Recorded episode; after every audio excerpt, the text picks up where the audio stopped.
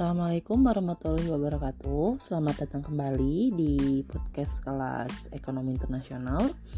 Um, jadi pada kesempatan ini kita akan membahas lebih dalam ya tentang um, sistem nilai tukar atau sistem moneter. Uh, di mana kita di pertemu beberapa pertemuan yang lalu kita udah bahas tapi cuman bahas uh, sekilas aja uh, pada pertemuan ini kita akan membahas tentang bagaimana um, apa namanya kebijakan-kebijakan yang diambil oleh sebuah negara ketika dia menerapkan suatu sistem moneter atau sistem nilai tukarnya. Lalu kita juga akan membahas tentang um, krisis nilai tukar atau biasa juga dikenal sebagai krisis moneter. Nah, kita akan membahas tentang sebab-sebabnya apa aja terus juga uh, akan menilik salah satu um, case krisis moneter yang pernah terjadi di Indonesia dan di Asia beberapa tahun yang lalu. Kita flashback dulu um, ke materi tentang pembahasan sistem nilai tukar yang sudah kita um, apa ya bahas sekilas. Um, yaitu jadi sistem nilai tukar itu yang banyak digunakan oleh negara-negara di dunia itu ada dua ya. Ada sistem nilai tukar tetap uh, dan mengambang di mana kalau mengambang itu ada dua macam lagi. Ada um, ada yang mengambang bebas dan ada juga yang mengambang terkendali. Nah, kalau pada sistem nilai tukar tetap gitu kan. Nah, dia itu dikenal sebagai sistem nilai tukar yang e, nilai tukarnya itu dipatok atau ditentukan besarannya berapa gitu terhadap uh, satu nilai mata uang tertentu biasanya berdasarkan nilai mata uang dolar ya atau euro. Tapi kebanyakan negara itu mematok nilai tukar mata uangnya itu berdasarkan uh, eh, US dollar. Lalu juga ada sistem nilai tukar mengambang. Nah kalau di sistem nilai tukar mengambang dia ini mekanismenya berdasarkan uh, sorry uh, besarannya tukarnya itu mengikuti mekanisme pasar. Jadi berdasarkan memang secara garis besar berdasarkan jumlah permintaan dan penawaran uh, mata uangnya. Nah bedanya nilai tukar mengambang uh, bebas dan nilai tukar mengambang terkendali itu adalah kalau pada nilai tukar mengambang terkendali um, pemerintah masih punya peran untuk mengintervensi jika jika uh, nilai tukar uh, mata uangnya itu memang benar-benar sudah um, apa namanya terlalu fluktuatif atau sudah terlalu volatil. Uh, sedangkan pada nilai tukar mengembang bebas um, uh, apa namanya dia memang pure benar-benar mengikuti mekanisme pasar tapi tidak ada intervensi dari pemerintah. Nah, tujuan intervensi ini sebenarnya untuk apa? Ya itu tadi kembali lagi ya. Tujuan intervensi pemerintah atau e, campur tangan pemerintah itu adalah untuk mengurangi fluktuasi mata uang dan juga mempertahankan nilai mata uang negara pada kisaran yang telah ditetapkan. Jadi dengan mengurangi e, volatilitas nilai tukar, um, apa ya pemerintah tuh berusaha untuk menghindari gangguan-gangguan um, yang terjadi um, dalam proses perdagangan luar negeri atau pembayaran lintas-lintas uh, sorry pembayaran lintas antar negara. Namun meskipun begitu, um, setiap sistem nilai tukar yang diterapkan oleh negara itu tetap harus um, apa ya berdasarkan atau mengikuti prinsip-prinsip dari IMF supaya bisa tetap menjaga stabilitas nilai tukar negara itu. Jadi misal, jadi misalnya seperti prinsip IMF yang pertama um, harus menghindari manipulasi nilai tukar agar tidak mempengaruhi neraca pembayaran. Lalu yang kedua, uh, negara juga harus melakukan intervensi untuk melawan pergerakan nilai tukar jangka pendek yang mengganggu. Lalu yang ketiga, um, negara harus mempertimbangkan dampak kebijakan intervensi terhadap negara lain. Jadi secara sederhananya setiap kebijakan moneter yang diambil oleh um, apa namanya pemerintah dari setiap negara itu harus mempertimbangkan uh, dampak jangka pendek dan jangka panjangnya gitu. Uh, supaya nilai uh, tidak mempengaruhi neraca pembayarannya terus juga nggak mempengaruhi um, apa namanya um, transaksi um, perdagangan dan pembayaran uh, dari negara-negara lain. Nah, ketika bank sentral sebuah negara itu ingin membuat sebuah kebijakan moneter, itu pasti uh, yang pertama kali dipertimbangkan dia itu adalah sistem moneter yang mereka um, gunakan. Nah, berdasarkan acuan itu, barulah bisa kira-kira um, si bank sentral ini um, bisa membuat opsi-opsi atau pilihan uh, kebijakan yang akan diambil atau dibuat uh, supaya bisa memperbaiki apa ya, memperbaiki uh, nilai tukar atau moneter negaranya. Namun dalam membuat apa namanya ketika pemerintah menyusun kebijakan ini sendiri gitu kan um, seperti ada apa ya ada hal-hal yang harus hal-hal lain yang juga harus dipertimbangkan. Nah selain tadi ini ya selain tadi uh, sistem sistem nilai tukarnya sendiri. Nah um, konsep ini itu dinamakan trilema kebijakan. Konsep trilema kebijakan atau impossible trinity. Di mana um, apa namanya uh, impossible trinity atau konsep trilema kebijakan ini berisi dari segitiga kebijakan atau tiga pilihan kebijakan moneter yang bisa diambil oleh bank sentral ketika mereka menghadapi masalah yang berkaitan dengan uh, fluktuasi nilai tukarnya. Nah, segitiga kebijakan itu yang pertama itu adalah kebijakan nilai tukar tetap atau namanya fixed exchange rate. Lalu ada keleluasaan arus modal atau free capital flows dan otonomi kebijakan moneter atau independent monetary policy. Jadi konsepnya tuh kayak gini, um, ketika sebuah negara itu dia punya sistem kebijakan nilai tukar tetap, artinya dia nggak bisa mengambil atau me, apa ya menerapkan tiga kebijakan ini. Dia nggak bisa eh, bank sentralnya tuh nggak bisa membuat kebijakan uh, meleluasakan arus modalnya dan juga membuat kebijakan otonomi kebijakan moneter gitu. Dia harus memilih dua dari tiga pilihan. Nah konsep trilema ini biasanya juga disebut sebagai ini ya uh, apa namanya trade off konsep trade off di mana kalau trade off ini artinya segala sesuatu yang uh, segala sesuatu tuh nggak bisa kita capai dalam satu tangan. Jadi harus ada satu um, keinginan atau satu hal yang harus kita lepas seperti itu. Nah ini juga uh, ini ini ya um, konsep dari uh, trade off dan uh, trilema kebijakan. Nah misalnya kita co ambil contoh uh, Indonesia. Itu kan saat ini kebijakan moneter Bank Indonesia sebagai Bank Sentral Indonesia adalah um, kebijakan moneter yang yang independen dan arus modal yang bebas. Dampaknya ketika Bank Indonesia menerap, menetapkan dua kebijakan itu, ya Indonesia nggak bisa menetapkan sistem nilai tukar tetap. Artinya um, dia akan uh, kita Indonesia akan menetapkan sistem mata uang mengambang.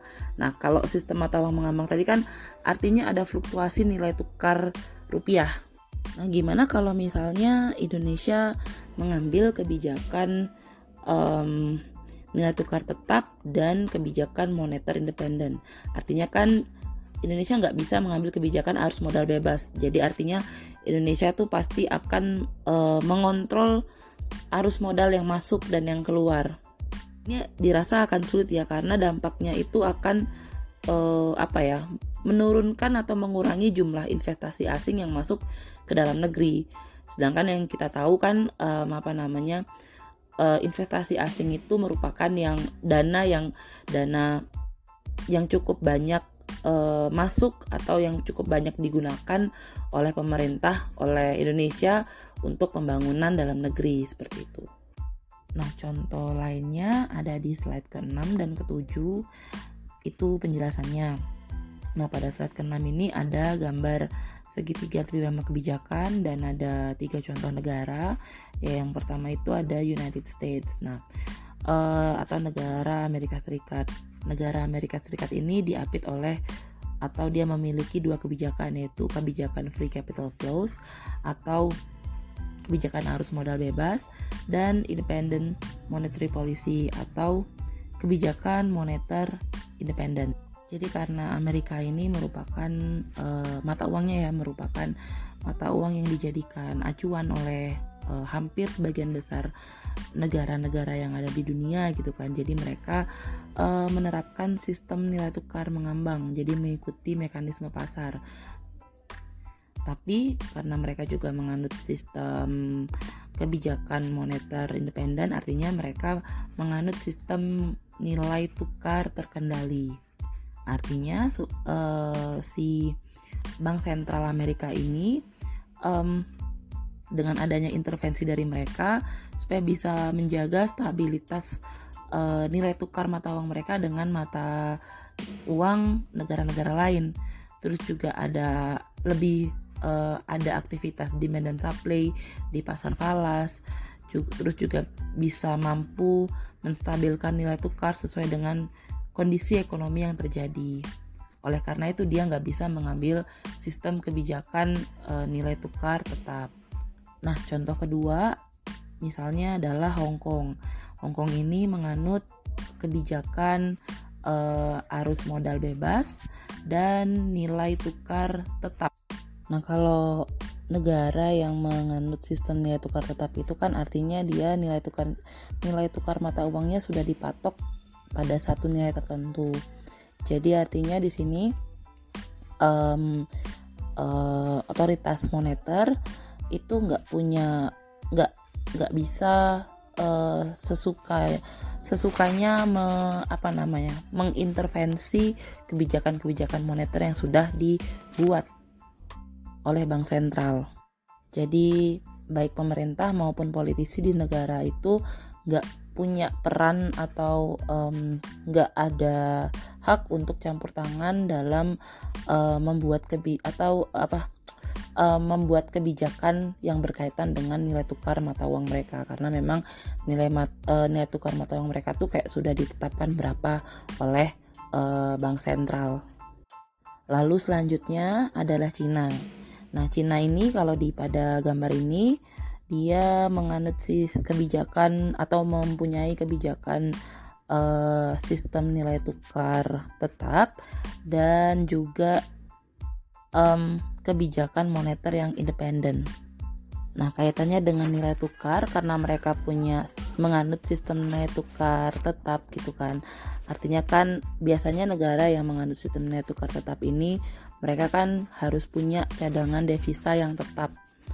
Artinya um, mereka nggak bisa menganut uh, atau mengambil kebijakan arus modal bebas. Jadi artinya uh, cadangan devisa mereka, uang kas yang dimiliki oleh negara itu jumlahnya harus sudah terpatok berapa supaya bisa menjaga stabilitas uh, atau menjaga nilai tukar mereka supaya tetap bisa fix atau tetap. Di negara Cina pada akhirnya mengambil kebijakan uh, kon, uh, mengontrol modal uh, yang masuk maupun yang keluar dari dan ke negara Cina. Ya, supaya untuk mengatur uh, atau menjaga nilai tukar mata uang mereka dari fluktuasi nilai tukar mata uang asing. Meskipun sebuah negara menganut sistem nilai tukar tetap, bukan berarti um, negara itu akan bebas dari atau nggak akan pernah mengalami yang namanya depresiasi atau apresiasi nilai tukar gitu.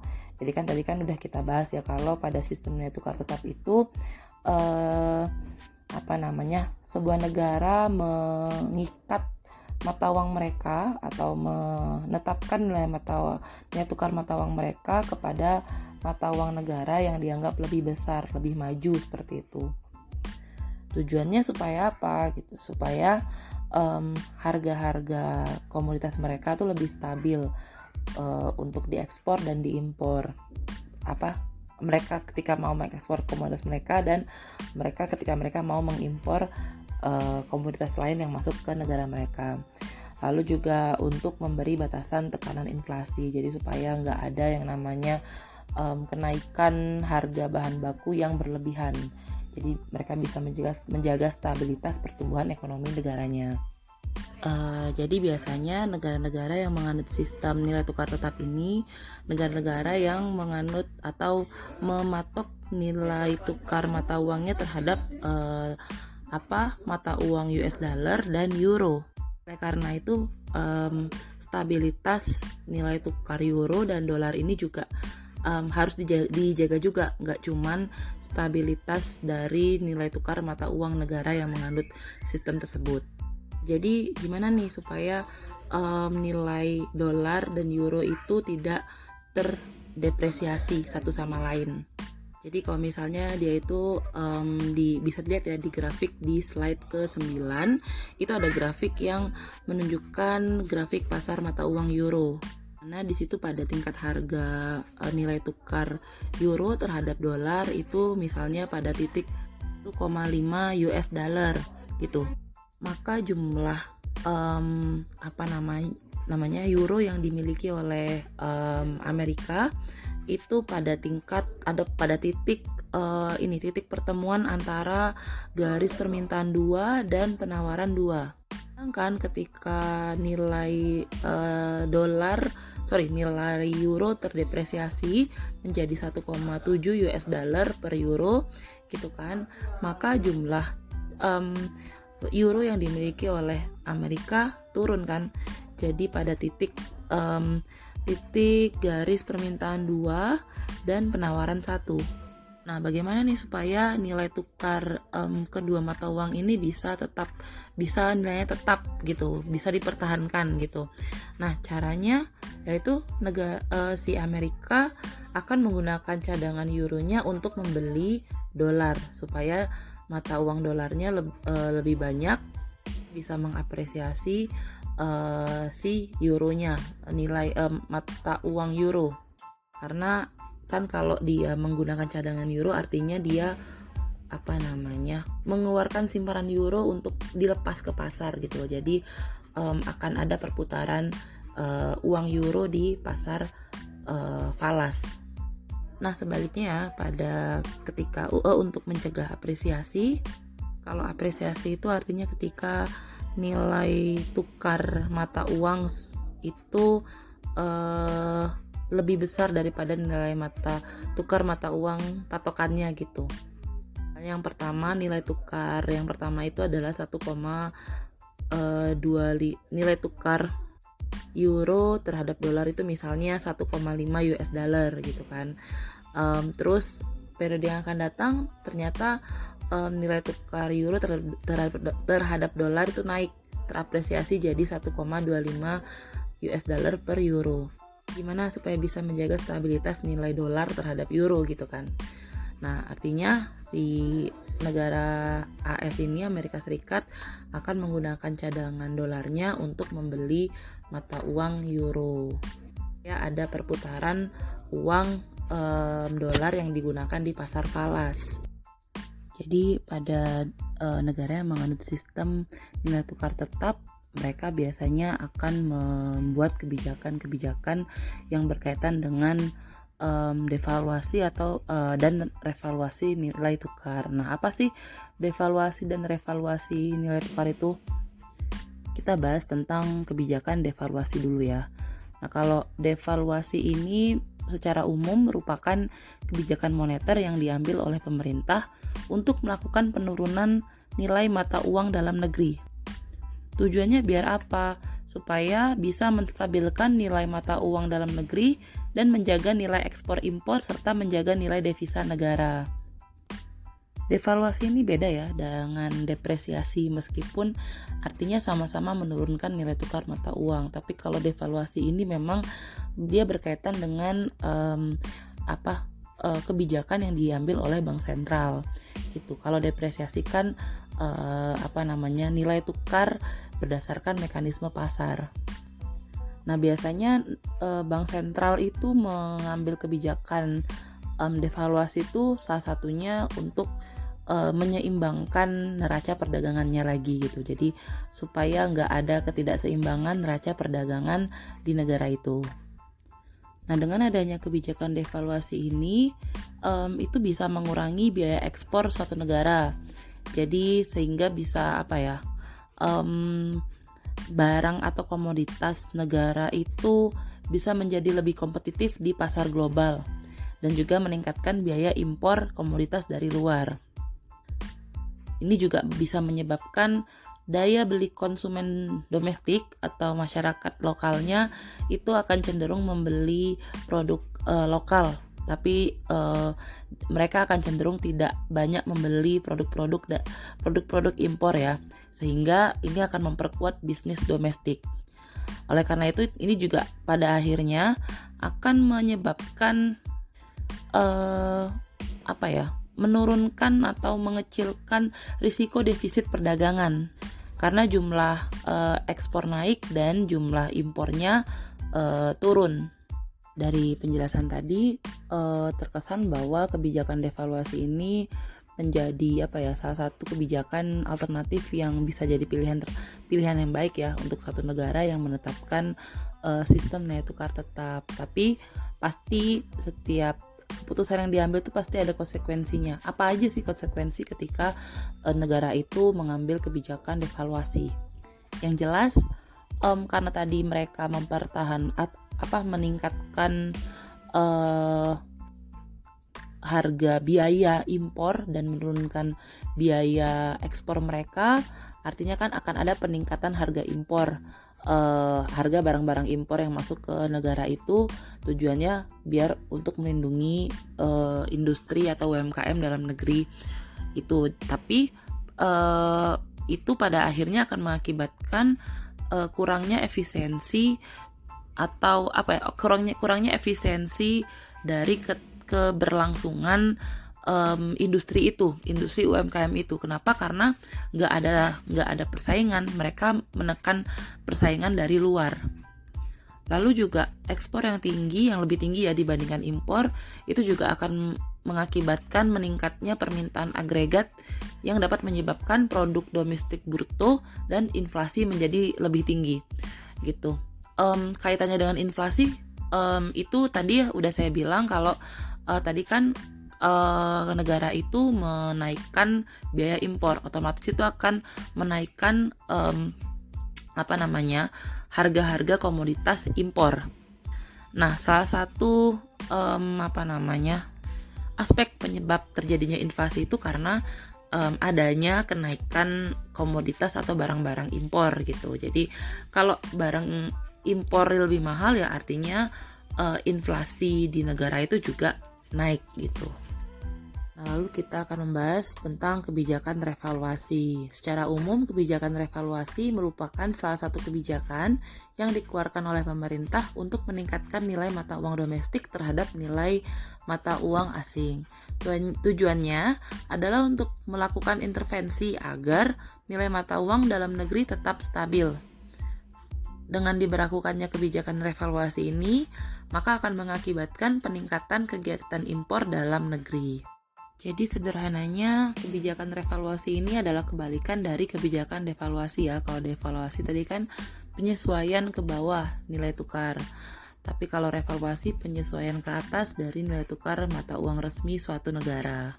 Nah, biasanya kenapa sih bank sentral mengambil kebijakan ini? Jadi bisa dipicu oleh uh, ini ya peristiwa-peristiwa yang bisa menyebabkan menurunnya atau terdepresiasinya nilai tukar suatu mata uang.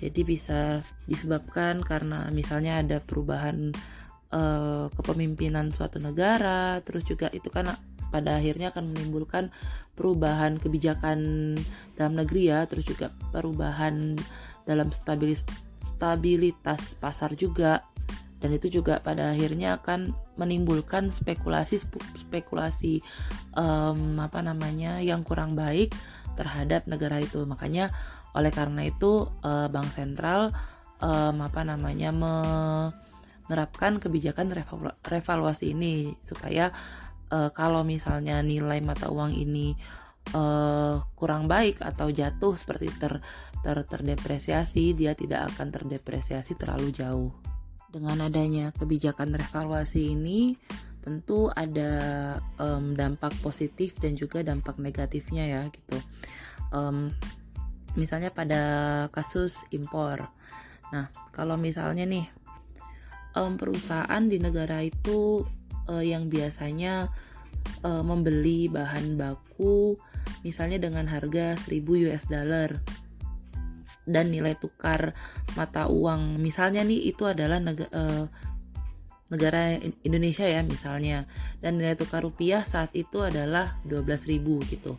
Nah, artinya kan uh, perusahaan itu harus perlu mengeluarkan um, uang untuk membeli bahan baku itu adalah sebesar 12 juta rupiah gitu. Tapi ketika dia terjadi um, revaluasi atau ketika bank sentral um, mengeluarkan kebijakan revaluasi, artinya kan nilai tukar rupiah itu menjadi menguat terhadap dolar.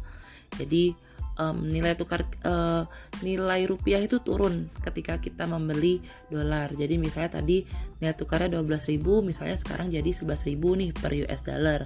Maka ketika kamu membeli bahan baku perusahaan itu membeli bahan baku seharga 1 1000 US dollar, jadi perusahaan itu cuma perlu mengeluarkan uh, modal bahan baku sebesar 11 juta aja. Lebih kecil 1 juta dibanding sebelum uh, bank sentral mengeluarkan kebijakan revaluasi. Itu pada konteks kasus impor. Nah, kalau misalnya pada kasus ekspor, ketika barang komoditas kita dikirim ke luar negeri, misalnya seperti seperti itu. Nah, misalnya pada sebelum sebelum uh, Bank Indonesia mengeluarkan kebijakan uh, revaluasi ya, gitu kan.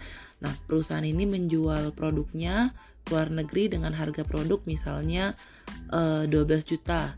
Dan nilai tukar awalnya itu adalah 12.000 maka uh, perusahaan itu akan menerima imbalan dari uh, penjualan produk dia sebesar 1000 US dollar. Tapi ketika terjadinya revaluasi ini gitu kan tadi karena ada uh, nilai mata uang kita terapresiasi justru itu akan menurunkan pendapatan perusahaan itu gitu loh. Jadi uh, harga produk kita yang dijual itu harganya jadi 11.000 misalnya 11.000 rupiah gitu. Um, apa namanya? Dan uh, nilai maka kita uh, perusahaan itu akan mendapatkan uh, pendapatan sebesar 11 juta rupiah atau satu juta lebih kecil daripada sebelum ada kebijakan revaluasi ini. Jadi artinya ada penurunan harga jual uh, produk kita di negara asing. Nah, kita masuk ke sistem nilai tukar mengambang atau floating exchange rate. Nah, pada, tadi udah dijelaskan ya kalau pada sistem ini, sistem nilai tukar ini, dia mekanismenya uh, mekanisme keseimbangan pasar atau mengikuti equilibrium yang ditentukan oleh permintaan dan penawaran mata uang dalam negeri. Perubahan nilai tukar memperbaiki ketidakseimbangan pembayaran dengan mengubah biaya efektif impor dan ekspor. Lalu juga nilai tukar tuh nilai tukar negara itu nggak akan berfluktuasi secara nggak menentu kecuali memang ada ses, uh, ada kebijakan at, yang salah diambil atau kurang tepat dikeluarkan oleh um, otoritas um, moneter atau memang ada ketidakstabilan yang uh, signifikan di pasar keuangan negara itu. Nah, depresiasi pada sistem nilai tukar mengambang ini berkaitan erat dengan aktivitas ekspor negara itu ya. Pada slide ke-14 itu ada grafik di mana grafik itu menunjukkan grafik pasar uang euro.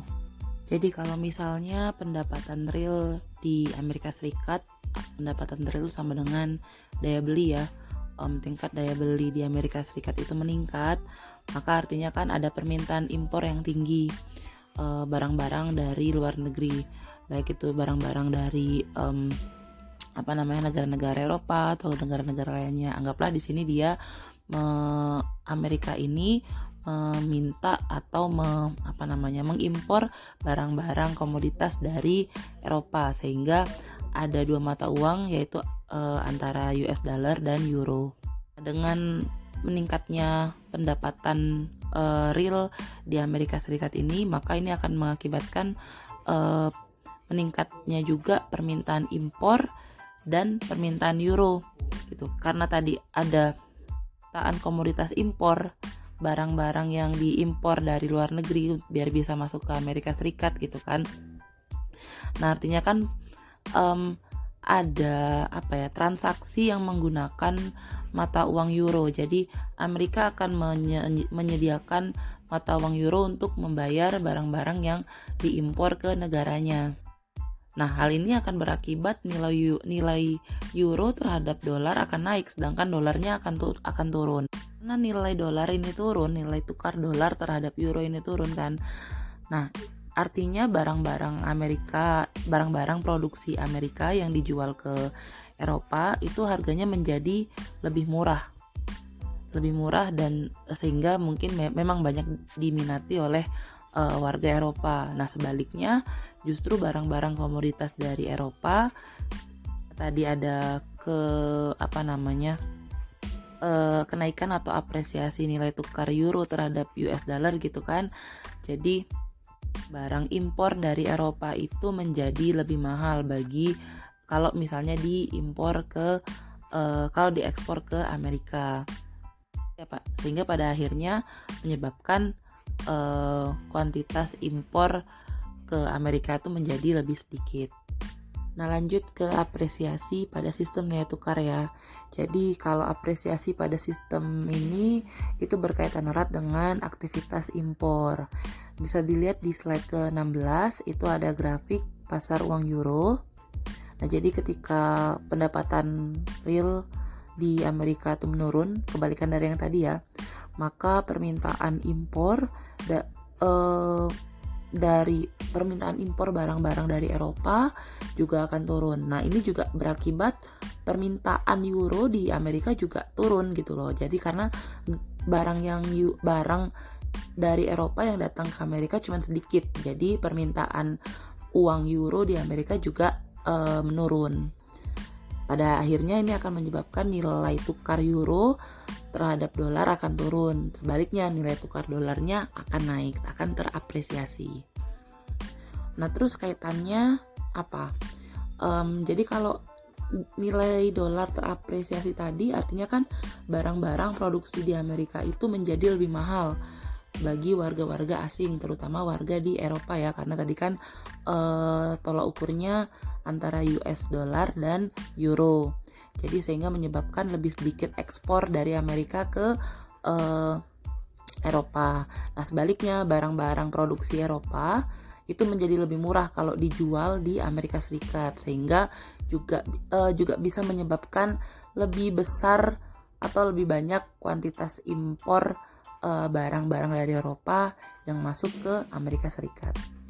Oke, kita masuk ke pembahasan tentang krisis nilai tukar. Nah, um, krisis nilai tukar atau biasa dikenal sebagai krisis moneter itu biasanya terjadi ketika nilai mat, nilai tukar mata uang terdepresiasi secara signifikan atau secara ekstrim lebih jeleknya. Uh, ada beberapa sebab sebab kenapa krisis uh, kenapa sebuah negara itu mengalami krisis nilai tukar bisa adanya spekulasi defisit yang disebabkan oleh uh, inflasi defisit ini ya defisit neraca atau uh, defisit cadangan devisa juga gitu. Lalu ada juga karena sistem keuangan yang lemah terus juga dampak deregulasi pasar keuangan kinerja ekonomi yang lemah faktor politik dan pilihan sistem nilai tukar. Nah pada tahun 1997 itu um, di Indonesia mengalami uh, yang namanya krisis moneter Nah, krisis ini sebenarnya nggak cuma terjadi di Indonesia ya. Jadi awalnya itu dimulai pad, e, dikarenakan e, pertama kali dialami oleh Thailand. Jadi nilai tukar e, mata uang Thailand atau baht itu e, terdepresiasi terhadap US dollar. Nah, sebelum bank sentral mengeluarkan kebijakan yang dirasa tepat gitu kan. Nah, sudah keburu investor-investor asing itu menarik um, apa namanya aset-asetnya di dari pasar-pasar uh, di Asia. Jadi nggak cuman menarik aset di, di Thailand dari Thailand aja ya, tapi juga di uh, beberapa negara di Asia termasuk di Indonesia gitu. Jadi karena saat itu banyak uh, apa namanya investor asing yang menarik uang uh, uangnya dari negara kita, artinya kan permintaan dolar saat itu menjadi tinggi, sehingga menyebabkan nilai tukar rupiah kita uh, menjadi terdepresiasi. Hal itu ternyata semakin parah karena ternyata Indonesia punya jumlah hutang uh, asing yang cukup tinggi, di mana hutang itu sebagian besar uh, sumbernya dari um, sektor swasta. Jadi karena saya uh, hutang dalam mata dalam um, bentuk mata uang asing ini tinggi, artinya ketika nilai tukar kita terdepresiasi, artinya kan jumlah hutang kita uh, Indonesia saat itu menjadi bengkak. Di, diperparah dengan jumlah uh, cadangan devisa kita Indonesia saat itu ternyata nggak bisa membiayai hutang-hutang negara. Jadi boro-boro membiayai hutang um, keseluruhan hutang Indonesia tapi um, dia untuk mem, uh, apa namanya cadangan yang dimiliki oleh Indonesia itu nggak bisa membayar hutang-hutang yang memang uh, diajukan oleh pemerintah. Ini kan semakin memperburuk uh, apa namanya um, neraca pembayaran dari Indonesia.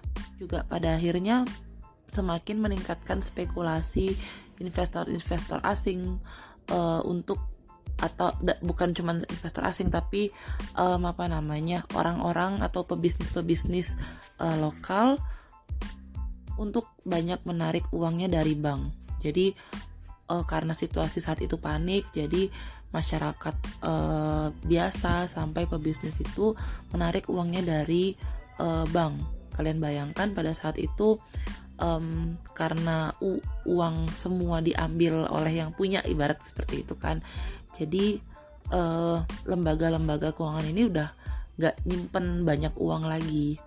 Bahkan pengusaha-pengusaha yang uangnya banyak seperti itu kan mereka pada akhir e, mereka memutuskan untuk men, apa namanya menukarkan uang mereka e, menjadi dolar. Jadi mereka membeli dolar dengan spekulasi artinya supaya untuk melindungi nilai e, apa namanya jumlah uang mereka gitu loh. Jadi supaya nilai kekayaan mereka tuh nggak tergerus terus karena adanya uh, apa namanya inflasi itu kenaikan nilai tukar yang semakin sorry depresiasi nilai tukar yang semakin gak terkontrol ini. Indonesia yang saat itu menganut sistem nilai tukar mengambang terkendali gitu kan. Jadi artinya um, apa namanya saat itu Indonesia kayak uh, apa namanya me menetapkan nilai tukar range nilai tukar rupiah terhadap dolar itu sekitar 2000 sekian 2000 rupiah sekian gitu. Tapi ternyata dengan situasi yang panik seperti itu ditambah lagi cadangan devisa kita nggak cukup artinya kan nggak bisa mempertahankan nilai tukar rupiah terhadap dolar gitu kan. Nah itu semakin memperburuk um, apa namanya nilai tukar kita terhadap dolar. Sehingga pada tahun 98 itu um, Indonesia merubah sistem uh, nilai tukarnya menjadi sistem nilai tukar mengembang bebas atau mengikuti mekanisme pasar. Jadi yang sebelumnya itu dia sistem mengembang terkendali itu mulai tahun 98 karena memang upaya pemerintah um, apa namanya untuk melindungi nilai tukar tadi biar supaya ada apa ya respon positif lah dari masyarakat dari pasar gitu kan uh, bank Sen bank Indonesia mengubah sistem nilai tukar Indonesia menjadi sistem nilai tukar mengambang. Tapi apakah itu bisa berhasil? Ternyata enggak. Enggak segampang itu. Ternyata um, karena kasus-kasus yang dialami oleh mantan presiden kita presiden Soeharto saat itu yang ternyata apa ya kayak uh, banyak sekali melakukan KKN ya ke korupsi, kolusi dan nepotisme gitu kan. Jadi itu yang menyebabkan eh, faktor-faktor itu yang menyebabkan ya uh, apa namanya nilai tukar kita memang benar-benar nggak bisa diselamatkan pada saat itu. Nah, um, apa namanya berdasarkan cerita saya tadi, mungkin kira-kira kalian udah bisa menarik garis uh, benang merah um, apa aja penyebab-penyebab dari krisis uh, moneter yang terjadi di Indonesia pada tahun 1997 itu. Nah, tadi kan kalau poin-poinnya udah saya jelaskan, uh, saya uh, tuliskan di slide PPT. Tapi berdasarkan cerita tadi, kira-kira um, kalian bisa apa ya, uh, apa namanya, menentukan nih kira-kira uh, ternyata di pada krisis moneter tahun 97 itu memang uh, terjadi karena adanya spekulasi. Tadi pada poin um, dimulai pada apa namanya uh, spekulasi investor-investor asing uh, karena uh, mereka udah nggak percaya sama pasar Asia. Karena tadi ada krisis yang awalnya dimulai dari negara Thailand yang akhirnya berdampak pada negara-negara di sekitar Thailand. Jadi dari mulai Indonesia bahkan sampai Korea Selatan lalu juga defisit yang disebabkan oleh inflasi gitu kan. Um, apa namanya? Uh, karena tadi um, utang luar negeri Indonesia itu terlalu udah terlalu banyak utang asingnya ya gitu kan. Jadi um, apa namanya? Ketika ada lonjakan nilai tukar ini atau depresiasi nilai tukar kita ini artinya kan ada ada peningkatan inflasi uh, apa namanya pada saat itu. Uh, yang enggak seimbang dengan jumlah cadangan devisa yang kita miliki. Jadi kita nggak punya uang untuk membayar hutang itu gitu. Jadi itu yang mengakibatkan defisit uh, pada Indonesia. Ditambah lagi um, apa namanya bank perbankan atau lembaga keuangan tuh nggak bisa mem, apa ya melindungi atau bukan melindungi sih tapi kayak uh, meyakinkan nasabahnya untuk mau tetap mempertahankan uangnya biar di bank aja gitu loh. Jadi um, apa namanya karena tadi udah apa ya udah panik situasi panik seperti itu jadi itu berdampak pada sistem keuangan kita tuh jadi uh, lemah atau apa ya tidak di, tidak diminati boro boro-boro oleh investor asing sama masyarakat masyarakat lokal aja uh, nggak nggak nggak mau kurang tertarik untuk mau menyimpankan atau mau uh, mempertahankan uang tabungannya di bank. Belum lagi faktor politik uh, yang disebabkan oleh KKN-nya uh, mantan presiden kita Bapak Soeharto. Juga pilihan sistem nilai tukar yang dirasa saat itu sebenarnya sih bagus ya kalau pakai sistem nilai tukar uh, apa namanya mengambang bebas gitu. Cuman pada saat itu memang sangat tidak memungkinkan karena karena kembali lagi ya tadi konsep dari uh, sistem nilai tukar mengambang itu kan uh, dia bekerja berdasarkan mekanisme pasar. Jadi harus ada demand dan supply. Gimana ada demand dan supply? Kalau misalnya nggak ada orang yang mau nggak ada pihak-pihak yang mau menginvestasikan atau menanamkan dananya ke uh, Indonesia atau nggak ada perputaran uang di negara kita seperti itu. Nggak ada yang mau um, berbisnis di, di, di negara kita. Jadi kalau nggak ada yang mau bisnis atau orang pada apa ya caw dari Indonesia gitu kan artinya kan nggak ada pendapatan yang masuk ke uh, kas negara seperti itu. Jadi kalau dari kasus krisis moneter tahun 97 yang terjadi di Asia itu um, apa namanya dari uh, apa yang saya baca dan saya um, apa dapatkan informasinya dari artikel dan jurnal itu um, IMF atau uh, International Monetary Fund itu sampai turun tangan uh, menawarkan apa ya uh, pinjaman kepada Indonesia untuk uh, merestrukturisasi uh, keuangan dalam negeri jadi nggak cuman uang ini nantinya nggak cuman dipakai untuk nanti memperbaik uh, cuman sebagai untuk cadangan devisa aja ya tapi juga merestrukturisasi um, lembaga-lembaga keuangan yang dianggap sakit atau bermasalah.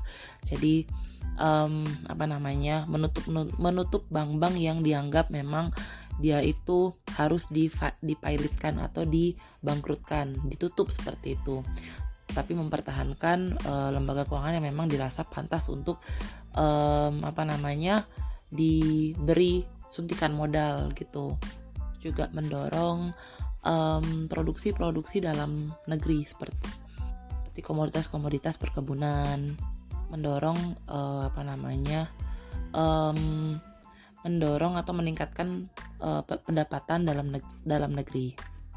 Dari penjelasan saya tadi, saya harap um, kalian bisa paham nih kenapa uh, apa namanya bagaimana sistem nilai tukar itu memang benar-benar mempengaruhi um, kebijakan-kebijakan yang diambil oleh uh, pihak otoritas moneter negara tersebut. Lalu bagaimana juga kebijakan itu juga mempengaruhi nilai tukar dari negara itu.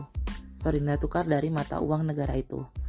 Dari penjelasan saya tadi juga, saya harap kalian juga bisa paham kenapa jumlah uang beredar itu bisa mempengaruhi nilai tukar, terus juga cadangan devisa juga bisa mempengaruhi nilai tukar. Kalau dalam uh, kasusnya di Indonesia gitu kan, um, jumlah rupiah yang beredar di pasar uh, Indonesia di pasar uang Indonesia gitu kan itu akan mempengaruhi nilai tukar rupiah terhadap dolar. Dolar kenapa? Um, karena transaksi yang terjadi di pasar uh, di Indonesia baik itu pasar uang, pasar pasar modal, pasar kredit konsumen maupun pasar komoditas gitu kan sebagian besar itu uh, menggunakan rupiah oleh karena itu otomatis uh, alat tukar yang digunakan oleh uh, baik masyarakat domestik maupun um, apa ya investor asing itu pasti akan menuk uh, apa namanya dalam bentuk rupiah gitu. Nah, lalu kaitannya dengan cadangan devisa bagaimana gitu kan. Tadi udah disebutkan ya kayak contohnya di krisis pada tadi contoh krisis uh, nilai tukar yang sudah saya ceritakan tadi. Nah, kalau pada tadi krisis uh, nilai tukar tadi kan um, ketika sebuah negara itu punya uh, cadangan devisa yang memadai gitu kan. Ketika nilai tukar uh, nilai tukar mata uang negara itu mengalami depresiasi dia bisa mempertahankan nilai tukarnya dengan cara membeli uh, mata uang asing yang uh, dianggap sebagai tolok ukur nilai tukarnya gitu kan deng uh, dengan menggunakan cadangan devisa yang dia miliki. Dengan dia menarik apa namanya uh, uang asing dari pasar dengan membeli uh, menggun dengan menggunakan uh, uh, cadangan devisa tadi gitu kan. Artinya kan dia memberikan dia menukarkan dengan sorry dia men, uh, pemerintah atau bank sentral mendapatkan uang asing membeli uang asing dan membe, uh, menukarkannya dengan uang uh, mata uang rupiah. Itu artinya secara nggak langsung pemerintah itu me, apa namanya jaga agar perputaran perputaran rupiah itu tetap terjaga di uh, pasar. Baik, demikianlah uh, penjelasan saya tentang konsep konsep sistem nilai tukar dan krisis mata uang. Saya harap kalian um, moga-moga kalian paham dengan penjelasan saya di podcast ini um, dan saya harap kalian lebih banyak membaca, mencari sumber-sumber literasi, uh, baik itu dari buku atau internet, artikel di internet, um, untuk menambah pengetahuan, pengetahuan dan wawasan kalian. Saya ucapkan terima kasih bagi yang sudah uh, mendengarkan uh, podcast ini. Tetap sehat, jaga jarak. Wassalamualaikum warahmatullahi wabarakatuh.